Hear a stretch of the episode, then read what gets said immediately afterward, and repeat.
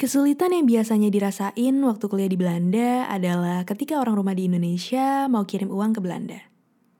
Uang yang digunakan sangat penting untuk biaya kita kuliah maupun kebutuhan kita sehari-hari. Namun sayangnya di situasi seperti sekarang, kirim uang nggak semudah yang dikira. Bahkan membutuhkan proses yang lama. Untuk itu, Transfest hadir sebagai solusi untuk kamu yang ingin kirim uang ke Belanda dengan cepat, aman, dan mudah. Uang dapat diterima sehari setelah hari transaksi dan biaya admin yang murah, yaitu 74.000 saja untuk setiap transaksinya. Selain itu, tidak ada hidden fee yang dikenakan setelah kamu melakukan transaksi. Gimana? Oke kan?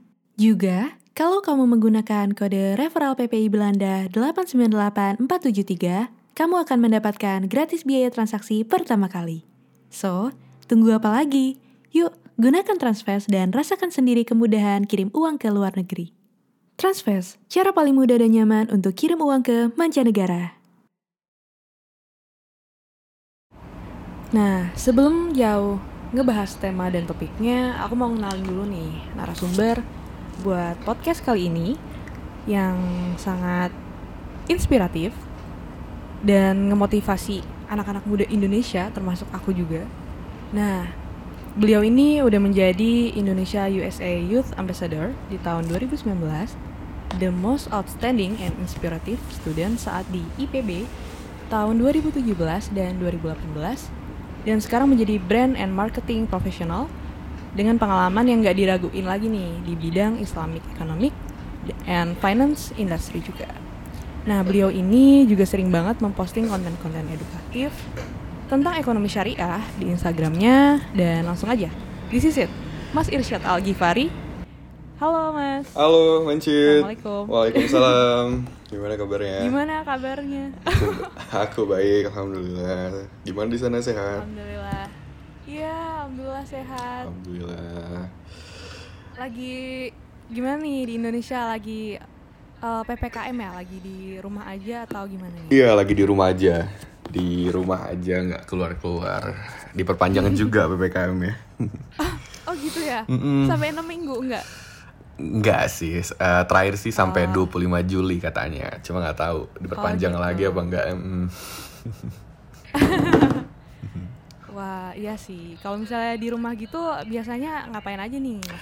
Kalau di rumah biasanya eh, setiap pagi sih bisa sholat subuh terus eh, apa namanya b- b- baca-baca terus kadang kadang baca Quran kadang baca tulisan kadang juga ketiduran gitu ya. Tapi habis itu eh, bangun terus jogging di depan rumah sih ada lapangan bola kan. Jadi olahraga pagi terus ya kadang kalau memang lagi santai banget pengen santai movie time kadang juga ngerjain tugas kuliah ya gitu-gitu aja paling Hmm, kalau pagi tuh biasanya apa nih? Kayak tim eh, makan bubur atau makan sereal nih?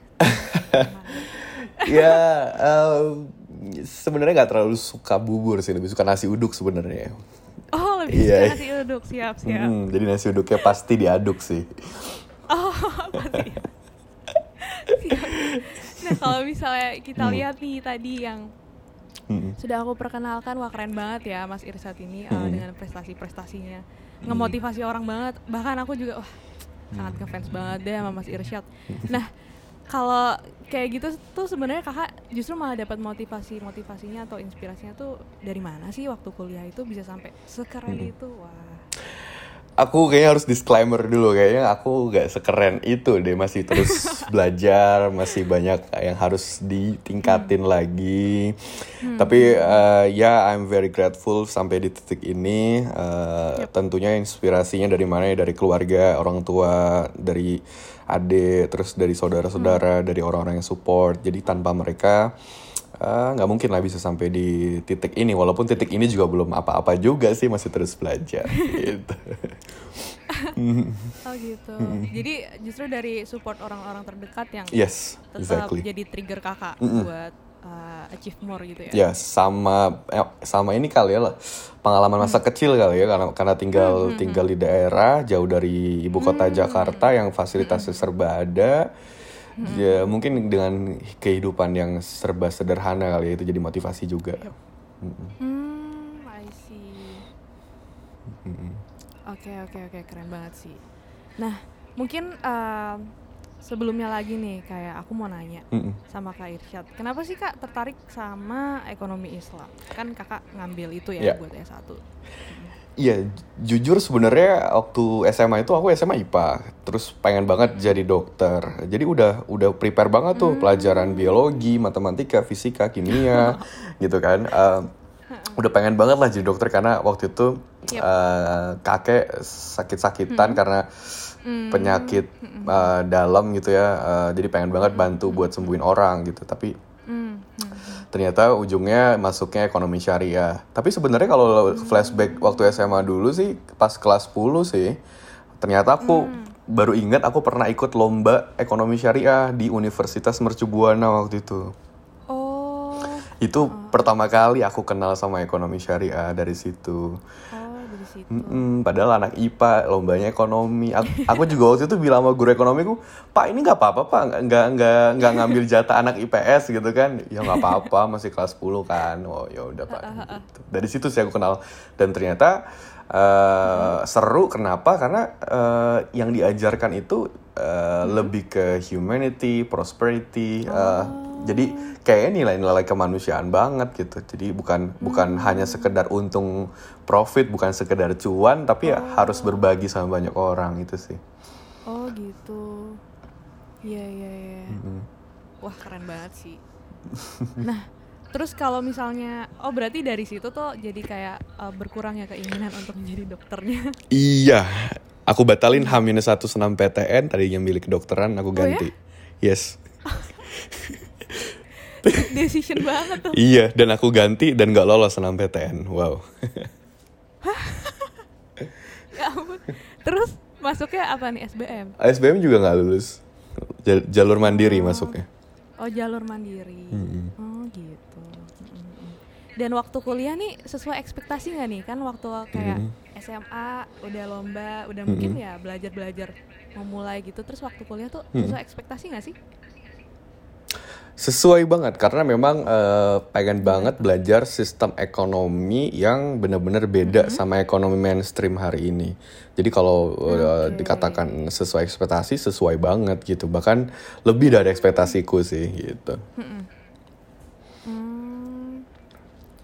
Oke oke. Kalau misalnya boleh tahu nih, kakak waktu kuliah tuh kan ini listeners tuh banyak ya yang kebanyakan juga masih uh, pelajar, masih mahasiswa juga. Uh, waktu kuliah tuh kakak tuh uh, tipe yang kayak gimana sih?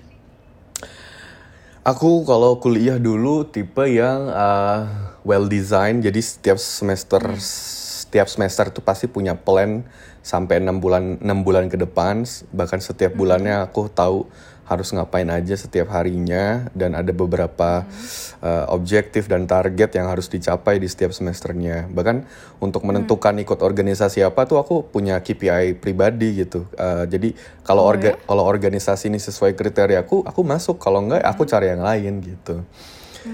Jadi eh, bahkan pernah sampai eh, di semester 2 kuliah itu Iya. aku ikut organisasi sampai lima organisasi dalam waktu yang sama.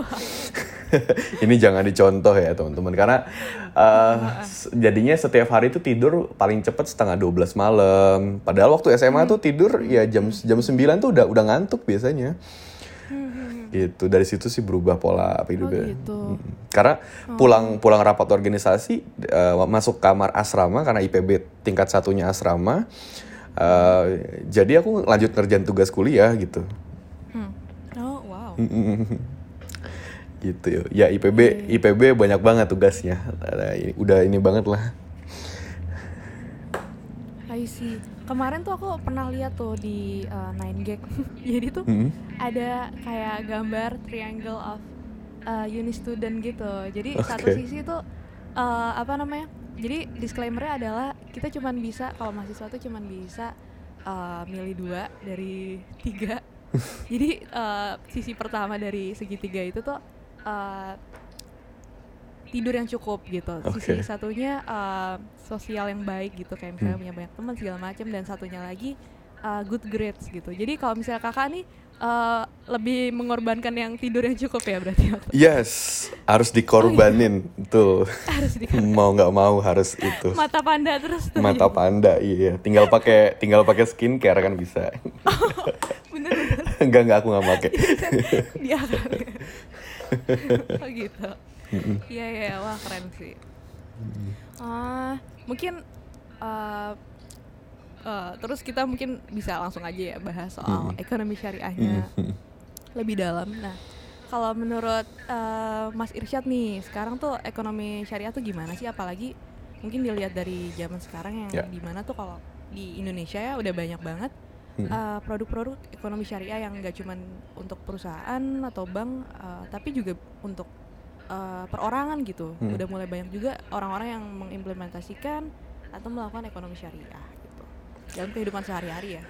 Ya, eh, kalau sekarang kondisi Indonesia eh, jauh berkembang pesat dari 10, 15, 20 tahun yang lalu sih untuk perkembangan ekonomi syariah baik itu dari segi eh, market share maupun dari segi eh, apa ya eh, halal awareness atau Islamic economic awareness dari masyarakat Indonesia sendiri gitu. Mu- Mulai apa ya? Mulai mulai masif lah ini sebuah sebuah Islamic economic Movement. movement atau Islamic economic wave kayak Korean wave lah ini. ini mulai hampir di seluruh dunia sih gitu ini mulai mulai terjadi termasuk di Indonesia Uh, mungkin fenomena hijrah juga beberapa tahun terakhir ini luar biasa ya gitu. Bahkan uh, ini juga berkontribusi juga sama fashion Muslim gitu kan. Uh, Indonesia itu uh, penyumbang uh, model jilbab terbanyak dan tervariatif di dunia kayaknya Oh ya? Iya, jadi mau satu jilbab aja itu bisa di- bisa bisa dibuat sampai 48 jenis model gitu. Satu kain loh, satu kain jilbab itu misalkan dikreasikan sama selebgram gitu-gitu banyak banget dan dan halal Variatif ya? variatif banget gitu. Belum belum lagi soal eh, apa eh, kosmetik halal kita. Kita peringkat peringkat nomor dua di dunia dengan eh, market Oh, wow. dengan potensi market sekitar 4 miliar dolar Amerika dan peringkat satunya peringkat satunya India. Dan ekspor kita tiap tahun ekspor eh, kosmetik halal ke, ke berbagai negara juga kencang. Jadi apa ya eh, Indonesia ini eh, dicanangkan, didesain sama pemerintah kita sama Indonesia bakal jadi pusat ekonomi dan keuangan syariah dunia. Oh gitu. Iya di beberapa tahun ke depan dan kita sekarang udah peringkat eh, dua untuk eh, keuangan syariah eh, udah udah hampir setara dengan Malaysia secara indeks dan ini akan terus meningkat terus gitu.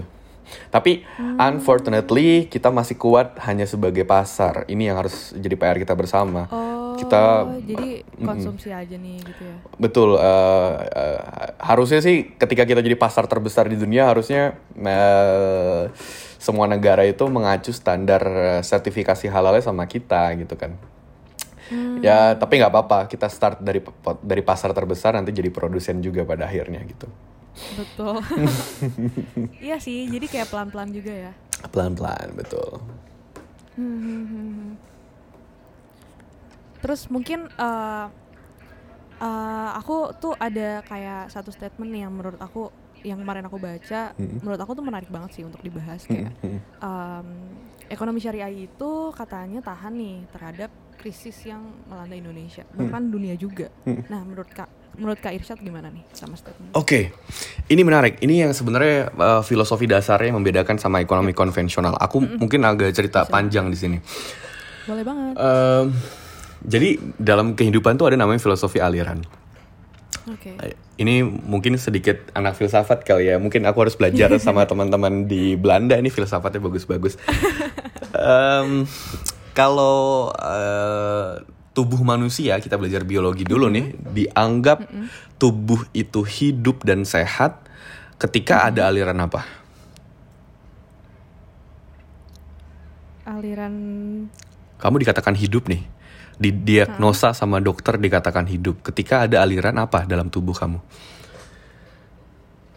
eh oksigen probably. Yes, exactly. Oksigen, aliran aliran darah dan sebagainya ya.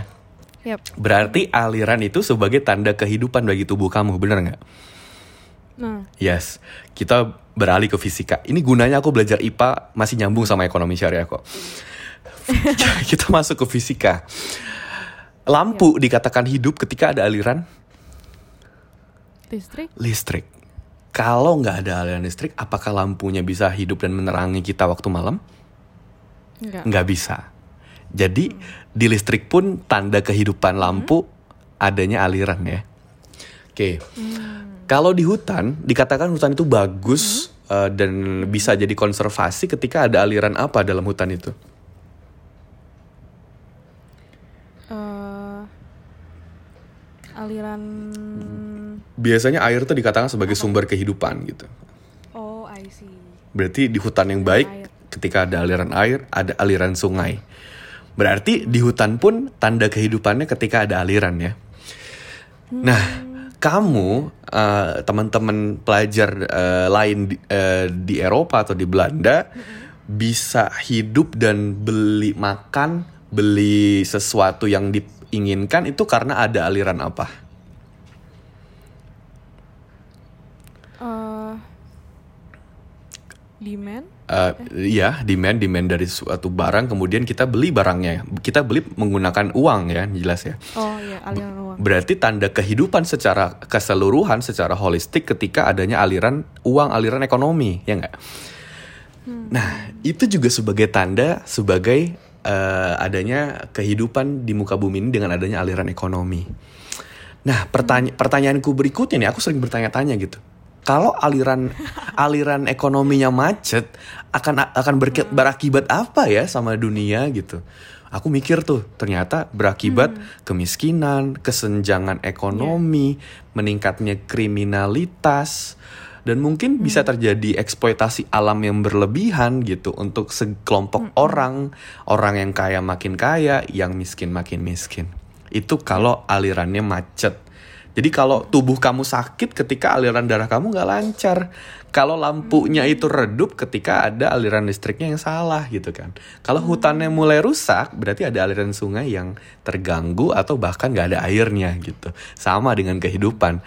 Aliran yang mampet di ekonomi maka bisa menyebabkan krisis, kriminalitas dan sebagainya.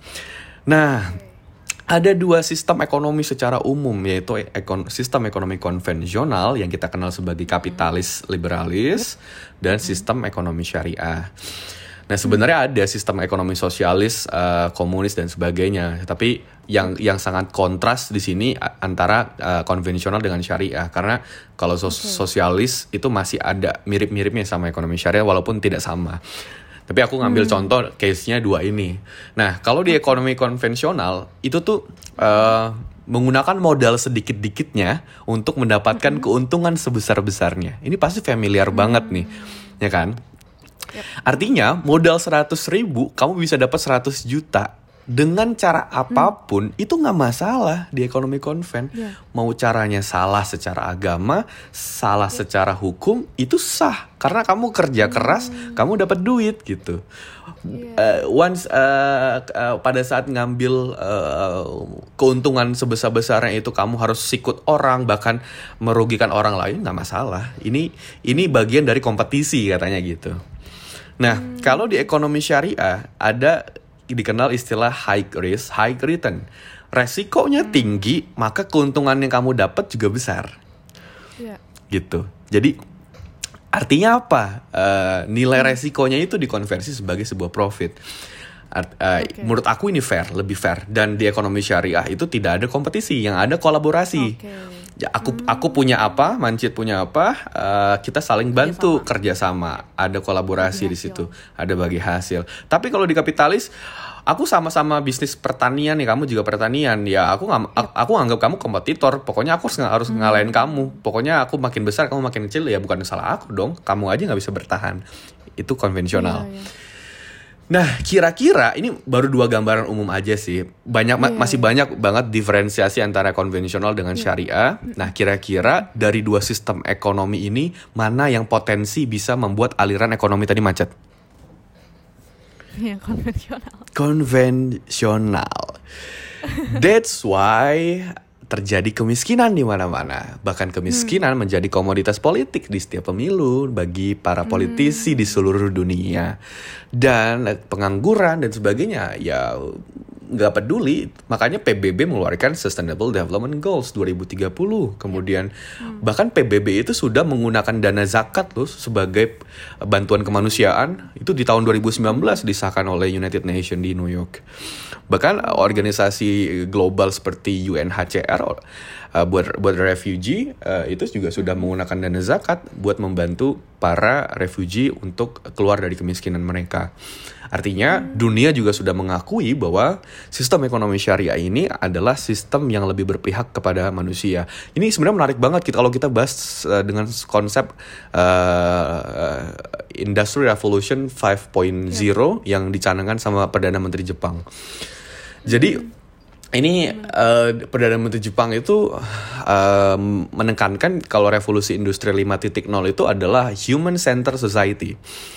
Jadi uh, menggunakan uh, Internet of Things, artificial intelligence uh, untuk uh, meningkatkan kesejahteraan manusia dan tentunya ada nilai spiritualitas yang sangat berperan dalam suksesnya revolusi industri 5.0. Dan menurut aku ini uh, dunia sudah shifting ke arah sana. Bahkan uh, dengan adanya COVID-19 ini banyak banget uh, hikmah. Aku baru banget baca paper, semalam banget baca paper dari uh, University of Illinois Chicago. Itu uh, men- menulis tentang the new consumer behavior uh, um, uh, amid COVID-19 uh, permanent or, or transient. Jadi di situ dibahas uh, pasca COVID ini uh, bagaimana sih pola konsumen itu Nah ternyata pola konsumen setelah COVID-19 itu orang-orang kaya itu merasa nggak punya kepuasan ketika mereka beli-beli barang mewah. Ini ini menarik ini. Jadi orang kaya biasanya beli merek-merek terkenal seperti LV dan lain-lain tuh kayak ada kepuasan. Ada kalau di ekonomi ada ya maxim, maximum utilis, utilization. Ada ada utilitas yang dimaksimalkan dengan membeli barang-barang mewah. Tapi ternyata enggak. Bahkan mereka tuh sangat hati-hati untuk spend money-nya. Tetapi mereka mau menghabiskan uangnya ketika itu ada motif spiritual. Jadi semacam kayak apa ya mungkin mereka semacam kayak jadi sedekah kemudian itu mereka jadi lebih apa ya jadi lebih ngerasa puas batinnya bahagia Satisfy. satisfy nah ini udah sejalan banget sama revolusi industri 5.0 dan sejalan banget dengan konsep ekonomi syariah ekonomi syariah itu ada namanya eh, ada namanya konsep eh, wealth wealth management pengelolaan harta jadi misalkan Wealth management pertama itu ya aku terjemahkan dengan bahasa Indonesia aja. Jadi yang per- ya, jadi yang pertama itu kita uh, mencari harta, mencari nafkah, mencari rezeki dengan bekerja, uh, berbisnis dan sebagainya. Kita dapatkan. Setelah kita dapatkan harta harta itu kita kelola. Kita kelola. Jadi 50% itu biasanya dibuat uh, kebutuhan sehari-hari bulanan itu kita keluarkan. Uh, utang utang itu atau liabilities maksimal 30% nggak boleh lebih dari itu. Jadi jadi kalau teman-teman gajinya 10 juta, utang maksimal buat cicilan tuh hanya 3 juta. Nggak boleh beli lebih dari itu. Karena khawatir nanti suatu hari teman-teman udah nggak bisa bekerja, nggak ada pemasukan, utangnya besar banget dan kita nggak bisa bayar. Makanya maksimal tuh 30%. Dan selebihnya itu bisanya biasanya buat saving atau investasi atau uh, kalau di ekonomi syariah itu uh, bi- harus bayar zakat, kemudian harus bayar udah harus sedekah. Kalau di Amerika mungkin harus Thanksgiving buat buat charity dan sebagainya. Itu harus dikeluarkan. Nah, yang ke fase ketiga itu harta kita harus diprotek, harus di harus dijaga, dijaga dengan cara apa? Ikhtiarnya nabung di bank, kemudian kita daftar asuransi. Asuransi ada yang bilang asuransi haram apa enggak? Ada asuransi syariah namanya takaful, ya kan? Nah, akadnya saling tolong menolong itu boleh ada.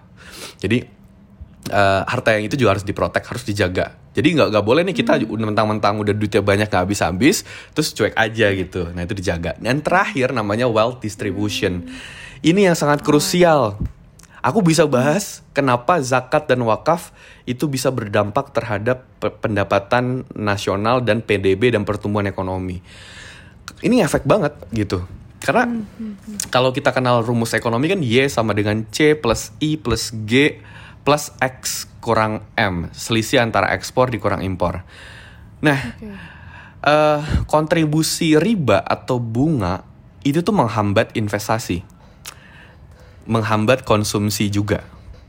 Jadi misalkan nih, misalkan aku punya utang sama bank s- eh, 10 juta. Kemudian dengan bunga aku harus bayar cicilan tiap bulan 1 juta 100.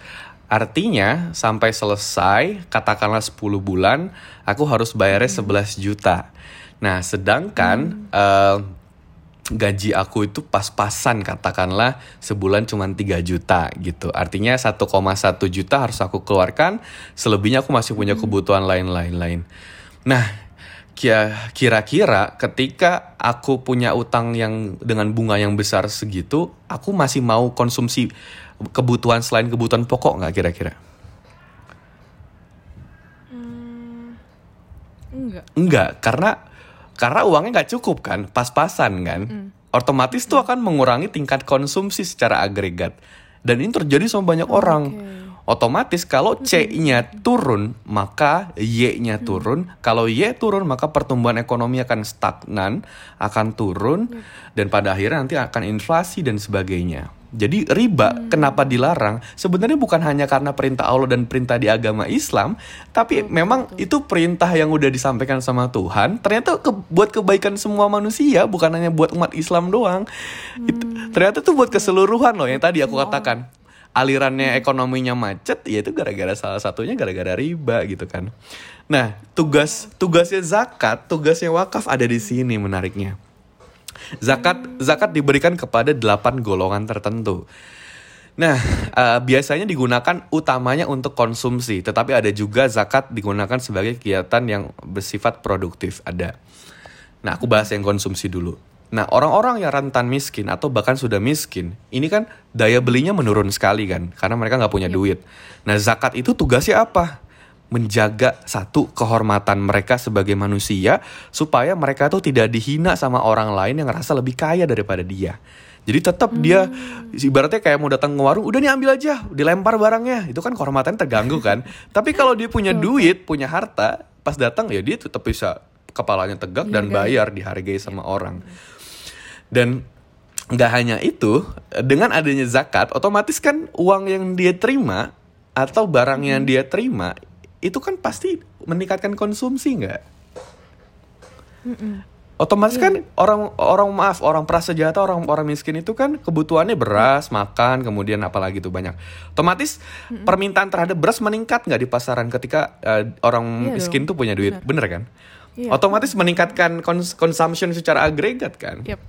Betul. yes. betul. di situlah tugas zakat. Ini Jadi tugas semuanya muter gitu ya. muter. Betul. Ada ada mendorong lah. Mendorong supaya ekonomi itu nggak boleh macet. Nggak boleh ada orang yang menumpuk hartanya doang. Harus disebarkan dan dikasih ke orang lain. Karena pada hakikatnya harta dan kekayaan itu bukan punya manusia. Itu punya Tuhan punya Allah yang dititipkan sama manusia. Kalau di konvensional, harta, Ya. kekayaan, sumber daya alam itu punya manusia, manusia bebas mengeksploitasinya. Makanya ekonomi syariah itu sejalan sama eh, apa namanya? eh, keberlangsungan lingkungan hidup dan sebagainya. Karena Sustainability. sustainability. Jadi kita nggak boleh merusak alam dan sebagainya. Itu baru zakat. Wakaf buat apa? Wakaf buat pembangunan. Wakaf buat meningkatkan investasi. Karena peruntukannya bukan hanya untuk muslim, tapi non muslim boleh menikmati dari hasil dana wakaf. Saat aku ke eh, ya, UC Berkeley, University of California Berkeley di San Francisco, itu ada satu gedung. Gedungnya itu nama nama yang nama, nama gedungnya itu nama orang Indonesia. Nah, aku penasaran waktu nanya sama salah satu dosen Indonesia yang ngajar di sana, Pak, Prof, ini kenapa namanya kok nama orang Indonesia? Oh iya, dulu dia itu memberikan dananya lewat endowment endowment fund kampus sebesar 40 juta dolar. Jadi kalau kalau di Amerika itu wakaf itu dikenal sebagai endowment fund. Eh, Itu istilah lain ya kalau di eh, di ekonomi syariah aukaf kalau bahasa Inggrisnya wakaf itu sama konsepnya sama. Eh, ken- kenapa itu dikatakan wakaf bukan hibah bukan sedekah? Kenapa? Karena ada ada nama dia di gedungnya. Itu salah satu feedback untuk menghormati orang yang berwakaf. Orang yang berwakaf namanya wakif. Nah, makanya dia ngasih 40 juta dolar nama gedungnya nama orang Indonesia. Dan itu di Amerika, bahkan di Harvard sekalipun endowment fund-nya paling besar di Amerika Serikat. Menggunakan dana wakaf untuk membangun kampus-kampus terbaik di dunia. Sama Oh, dengan untuk sekolah dan pendidikan. untuk pendidikan dan bahkan itu dilakukan oleh kampus yang paling liberal dan paling sekuler yang ngajarin soal kapitalisme gitu. Iya, life is paradox kalau aku bilang. Wow. Dan itu dan potensi kita, potensi wakaf Mind kita, blowing sih. mind blowing. Potensi wakaf kita itu uh, belasan ribu triliun per tahun. Untuk wakaf uang aja tuh sekitar uh, tiga uh, ada banyak versi ya. Ada yang mengatakan 3.600 triliun, ada yang mengatakan 180 triliun. Artinya potensinya gede banget. Itu itu baru wakaf uang, belum wakaf hutan, wakaf tanah. Kita punya kekayaan alam laut dan sebagainya. Itu belum dimaksimalin sama Indonesia. Jadi sebenarnya menggunakan ekonomi syariah, konsep ekonomi syariah, Indonesia tuh bisa bebas dari hutang asing, pinjaman modal asing, dan bahkan kita bisa berdaulat. Dan ekonomi syariah sejalan dengan manifesto ekonominya Bung Hatta tahun 1933 tentang uh, ekonomi kerakyatan. Mirip banget. Hmm, I see. Wow, menarik banget nih. Berarti eh, bisa dibilang dan dari ekonomi syariah itu universal ya kak dan juga timeless berarti dong. Yes, universal. Nggak cuman buat orang muslim doang kan? Yeah, exactly. Ya, mengimplementasikan ekonomi syariah ini. Exactly. Sebuah konsep itu dikatakan benar menurut aku pribadi standarnya sederhana. Kalau memang nilainya universal, pasti itu pasti itu bukan ciptaan atau gagasan pemikiran manusia. Hmm, Dan pasti itu benar. Kalau Tuhan konsepnya dari Tuhan, kemungkinan salahnya pasti kecil. hmm, hmm, hmm. Dan udah banyak juga maksudnya yang tadi kakak kasih lihat contohnya misalnya di Amerika itu gitu. Hmm. Ya, kayak eh, ya kan banyak yang pakai eh, wakaf untuk eh, pendidikan bahkan gitu. yes, betul. Banyak banget. Buka- Bukan hanya wakaf, kalau di Indonesia tuh di Jombang ada namanya rumah sakit rumah sakit mat, rumah sakit mata khusus eh, teman-teman duafa. Kebetulan aku terlibat dalam pembangunan itu saat bersama organisasiku, eh, organisasi ekonomi syari, mahasiswa ekonomi syari Indonesia.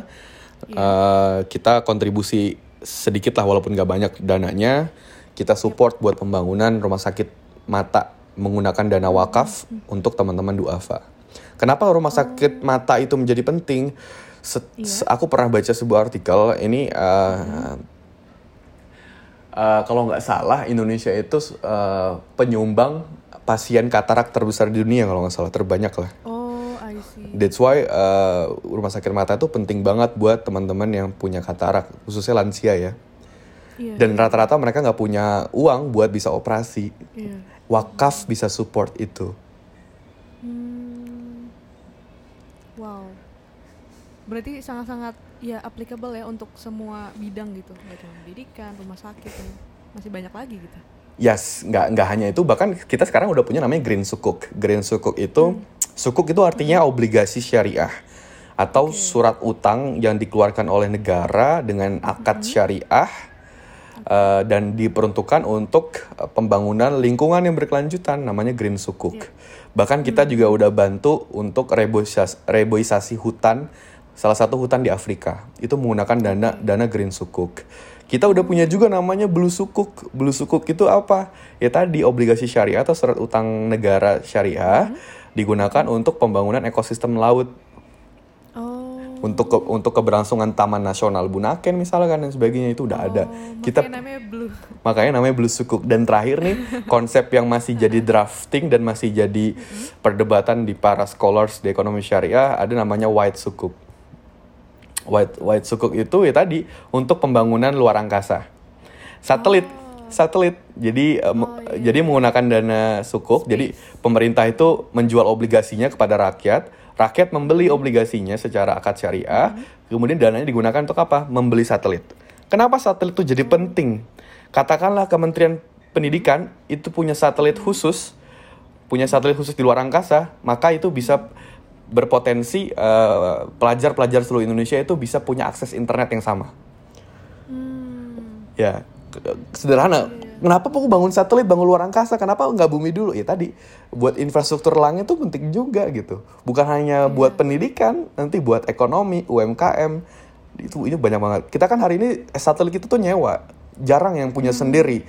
Eh, IPB punya satelit khusus pertanian, kerjasama sama India. Kita punya. Jadi kita punya eh, namanya agriculture high precision. Jadi menggunakan Internet of Things. Jadi petani itu nggak perlu uh, datang ke sawah lagi, tinggal pakai handphone, apa pakai aplikasi, terus nanti uh, uh, sawahnya bisa terairi sendiri. Bahkan bisa dipanen sendiri dengan waktu yang udah ditentukan. Dan itu menggunakan satelit. Oh, wow. Oh, Dan itu bisa disupport sama ekonomi syariah. Gitu. jadi benar-benar sangat mempercepat semuanya ya, kayak produksinya, Yes, distribusinya. betul. Mau Ujung, belinya juga jadi lebih betul. Ujungnya tadi menjaga aliran ekonomi, ekonomi tetap jalan.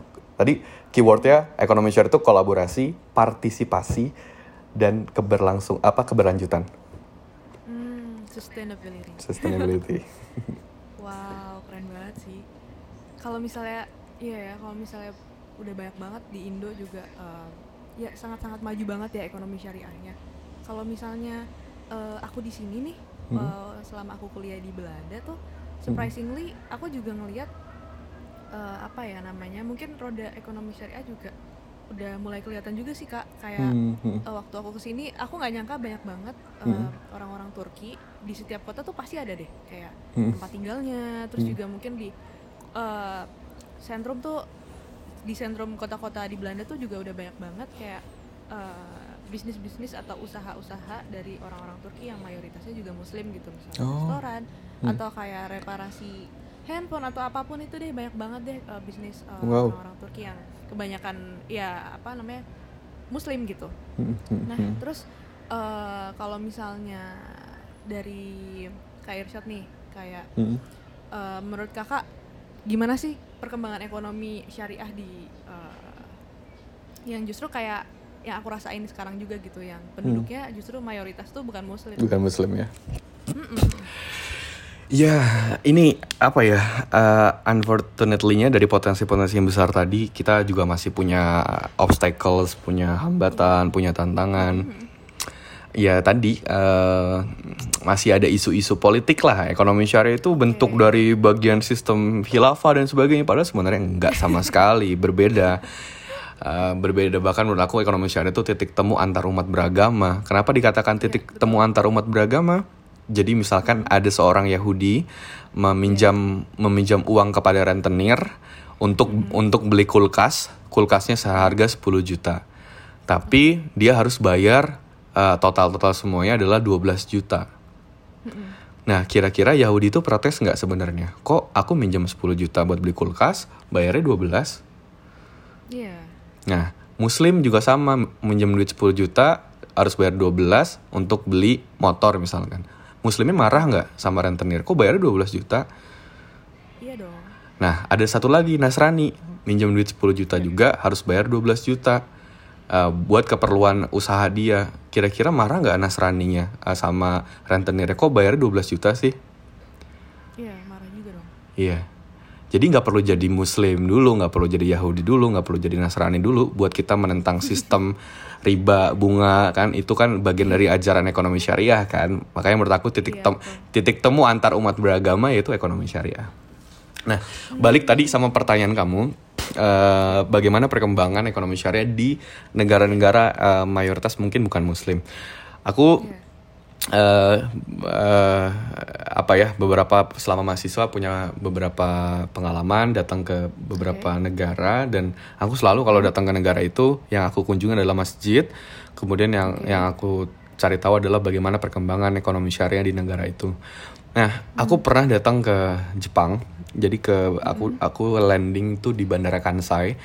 Kansai O- Osaka terus aku ke Kyoto. Nah eh, aku kira Jepang itu negara yang eh, menyembah matahari aja gitu. Maksudnya mereka tidak mengakomodir eh, warganya untuk eh, menyembah Tuhan selain matahari misalkan atau dewa matahari lah. Nah tapi pas di Bara Kansai Kansai, Kansai International Airport itu ternyata ada musola di lantai atas dan musolanya gede banget dan wangi dan bersih. Dan bahkan bahkan ada petunjuk buat berwisata secara muslim atau muslim friendly tourism yang ada di Oke. Bandara Kansai. Jadi memang udah ada petunjuk-petunjuknya.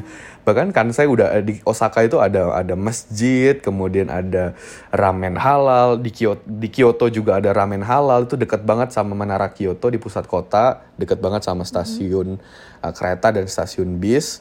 Itu ada ramen halal terkenal banget, em, tapi lebih mahal sih biasanya. Tapi tapi artinya apa? Hal halal di Jepang itu udah digemari sama bukan hanya muslim di Jepang tapi sama penduduk asli Jepang pun juga menyukai. Ini kalau jadi Olimpiade Tokyo nih harusnya 2020 kan postpone jadi 2021. Mudah-mudahan sih tetap jalan ya. Nah, itu Jepang sudah merilis satu bis. Ini teman-teman uh, bisa googling Uh, satu bis. Bisnya itu uh, dibuat uh, uh, jadi musola portable. Wow. Iya, iya. Jadi, Olimpiade Tokyo, Olimpiade nih yang sejarahnya kita tahu tahun 1800-an pertama kali di Yunani, bahkan jauh sebelum itu di peradaban Yunani kuno juga udah ada gitu kan. Itu eh, Jepang menyediakan loh eh, bis atau truk diubah jadi musola portable dengan kapasitas 50 orang untuk bisa sholat di dalamnya. Wow. Kenapa Jepang melakukan itu? Apakah karena motif Islam? Belum tentu. Bisa jadi motif ekonomi. Kenapa? Oh. Jepang itu pengen expand, pengen ekspansi eh, wisatawan. Jadi mungkin mereka secara eh, se- se- sebelum ada itu, mungkin sta- secara statistik wisatawan yang datang ke Jepang itu rata-rata dari Eropa mungkin atau dari neg- negara eh, India, China dan sebagainya. Iya, iya. Mereka pengen memperluas jumlah wisatawan yang berkunjung makin banyak. Nah, secara logika, kalau dia eh, pengen memperluas, otomatis yang akan ditarget adalah segmen Asia Tenggara dan Timur Tengah, yang paling dekat sama sama Jepang untuk datang kan. Nah, tapi mereka Muslim, nggak mungkin dong infrastruktur Jepang itu tidak menyediakan eh, tempat eh, ibadah, makanan halal. Bisa sih mereka datang tapi kapok karena cari makanan halal susah, ibadah susah. Akhirnya mereka punya kesan yang buruk sama Jepang. Inilah pintarnya negara mayoritas non-Muslim melihat ini sebagai peluang ekonomi. Kalau kita ya nggak tahu ya kenapa bisa jadi perdebatan soal konsep ini, apalagi kita mayoritas Muslim. Itu Jepang. Aku hmm, eh, gimana macet? Jadi titik to- titik tengah antara supply demandnya tuh diketemuin gitu ya. Yes, betul, Equilibriumnya. betul. Oh Jadi gitu. betul. Jadi ekonomi syariah bukan Islamisasi. Kalau Islamisasi udah jadi ancaman dong buat Jepang gitu kan, bahkan buat beberapa negara lain. Bener. Iya sih. Aku datang juga ke Seoul ke Korea eh, 2018 terus em, apa ya di eh, di Korea juga tapi kalau di, di Korea sama Jepang perkembangannya lebih masif Jepang sih Eh, Ko- Korea ini baru baru concern sama wisata halal sejak 2017 2018 karena awalnya menarik nih kenapa Korea concern sama wisata halal? Karena eh, sed- eh, wisatawan paling banyak ke Korea itu dari Beijing dari Cina dari Tiongkok. Oke. Nah, waktu itu perdana eh, presiden eh, Korea Selatan yang perempuan, aku lupa namanya, itu ternyata bikin kebijakan yang membuat Beijing itu marah sama Korea. Karena karena kebijakannya lebih pro sama eh, Washington sama Amerika. Nah, akhirnya Tiongkok itu mengembargo wisatawan Cina nggak boleh datang ke Korea Selatan. Pusing dong dia, karena kan secara statistik paling banyak wisatawannya dari Cina ke Korea. Kalau nggak nggak pada datang nanti duitnya nggak dibelanjani Korea, mereka nggak bisa dapat masukan Korea kan. Iya. Nah, tadi dari situ mereka belajar buat ekspansi pasar Timur Tengah sama Asia Tenggara. Makanya kalau nanti Manci datang ke Korea di Myeongdong Street, itu banyak banget makanan halal. Bahkan Korea Selatan punya kosmetik halal pertama Korea Selatan namanya kosmetik Talent, merek Talent namanya. Wah. Gitu. Dan eh, pusat makanan halal Korea itu di Itaewon. Di Itaewon itu ada masjid Korea, punya orang Korea, dan di sekitar situ tuh makanan halal banyak banget. Dan, dan tapi fun fact ya di sekitar Itaewon juga banyak diskotik di situ. Jadi imbang lah dunia sama akhiratnya gitu. Iya iya. Wah seru Gitu. banget sih. Tuh. Berarti udah apa ya? Maksudnya untuk teman-teman Muslim kalau mau ke luar negeri juga ya udah nggak perlu khawatir khawatir. Yes. gitu ya. betul betul udah nggak perlu khawatir Bahkan yang mau kuliah di luar kayak mau ke Belanda juga. Don't worry, be happy. Iya. kayak kemarin juga aku Hmm. ini sih waktu eh, kemarin Idul Adha juga kaget banget karena pagi Hmm. apa namanya pas lagi mau sholat itu Hmm. ya walaupun aku sholat di rumah sih cuman eh, tetap kedengeran ini loh apa namanya ada takbiran juga gitu. wih masya allah Iya jadi kayak wow subhanallah banget sih kayak apa ya namanya ya udah don't worry lah gitu kalau mau kuliah di luar kayak Hmm. santai. Terus ya iya Gitu. sih apa namanya aku setuju banget kayak sekarang tuh udah marak banget ekonomi syariah dalam apa pun ya eh, kita yang mengkonsumsinya untuk memproduksi barang-barangnya distribusinya juga Hmm. dan mungkin ya last but not least nih pertanyaan Hmm. penutup Hmm. Eh, apa nih harapan Kak Irsyad buat ekonomi syariah di Indonesia dan juga mungkin di dunia juga boleh terus juga mungkin setelah itu boleh nih eh, kata-kata penyemangat buat teman-teman pelajar atau mahasiswa yang lagi eh, berjuang nih kuliah di pandemi Wow, kuliah online ya. Oke. Eh, harapan aku cuman satu sih, karena Islam itu turun untuk eh, menyempurnakan akhlak, kemudian eh, turun sebagai rahmatan lil alamin, rahmat bagi seluruh alam semesta. Dan ekonomi syariah ini adalah salah satu cara jalan untuk menunjukkan dan membuktikan bahwa ayat Quran itu benar gitu. Jadi uh, ekonomi syariah bukan hanya untuk Islam, bukan hanya untuk umat Islam, tapi untuk seluruh umat manusia, untuk masa depan bumi kita yang lebih baik. Jadi uh, aku ber- aku berharap ke depan uh, eksploitasi alam uh, segera dihentikan, kemudian kita uh, apa namanya kembalikan kepada nature-nya dan uh, manusia nggak boleh terlalu greedy, nggak boleh serakah. Dan itu juga diatur di ekonomi syariah bahwa kita nggak boleh serakah dan nggak boleh rakus. Jadi uh, sebenarnya uh, uh, konsep ekonomi yang berdasarkan uh, teologi uh, ketuhanan itu sebenarnya tujuannya baik untuk untuk manusia gitu. Dan uh, buat teman-teman pelajar yang sekarang stay di luar. uh, Selamat, Anda beruntung menjadi orang-orang pilihan dari ratusan ribu dan jutaan anak Indonesia, bisa belajar di negeri orang, bisa mewakili uh, Indonesia, representasi bangsa kita, dan uh, menjadi duta-duta bagi Indonesia di luar. Uh, belajar dengan serius, semangat terus, ambil baiknya dari uh, peradaban maju di negara teman-teman. Tapi jangan pernah ketika melihat majunya peradaban itu mengecilkan bangsa sendiri dan membuat wow Indonesia emang nggak bisa seperti ini.